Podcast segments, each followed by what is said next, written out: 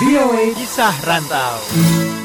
Kebanyakan orang membuat resolusi untuk memulai tahun yang baru. Apakah resolusi itu dapat ditepati hingga akhir tahun? Dr. John Norcross dan Dominic Fangarelli pernah melakukan sebuah studi tentang penerapan resolusi tahun baru. Hasilnya, kebanyakan orang gagal melakukan resolusi tersebut. Sebanyak 77% responden masih melakukan resolusi tersebut dalam waktu seminggu, namun hanya 55% yang tetap melakukannya hingga akhir bulan. Dua tahun berikutnya, hanya 19 persen orang yang berhasil mempertahankan dan melakukan resolusi mereka. Walau demikian, resolusi tahun baru adalah kesempatan yang baik untuk memulai kembali perubahan-perubahan yang ingin Anda lakukan. Apakah Anda belum mempunyai resolusi pada tahun baru ini? Berikut ini ada beberapa resolusi yang selalu menjadi pilihan orang pada awal tahun yang mungkin Anda dapat lakukan. Di antaranya menurunkan berat badan, menerapkan konsumsi pola makan sehat, hentikan kebiasaan menunda-nunda,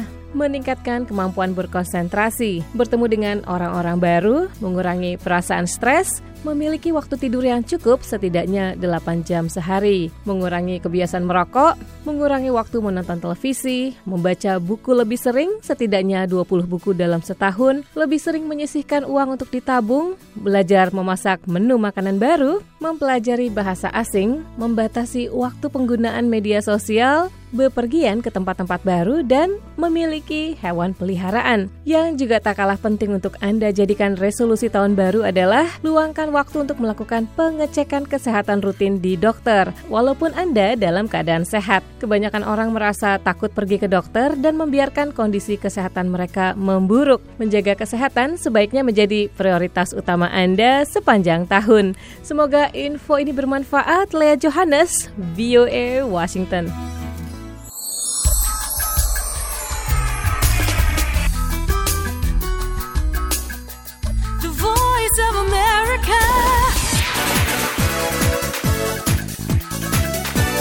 VOA.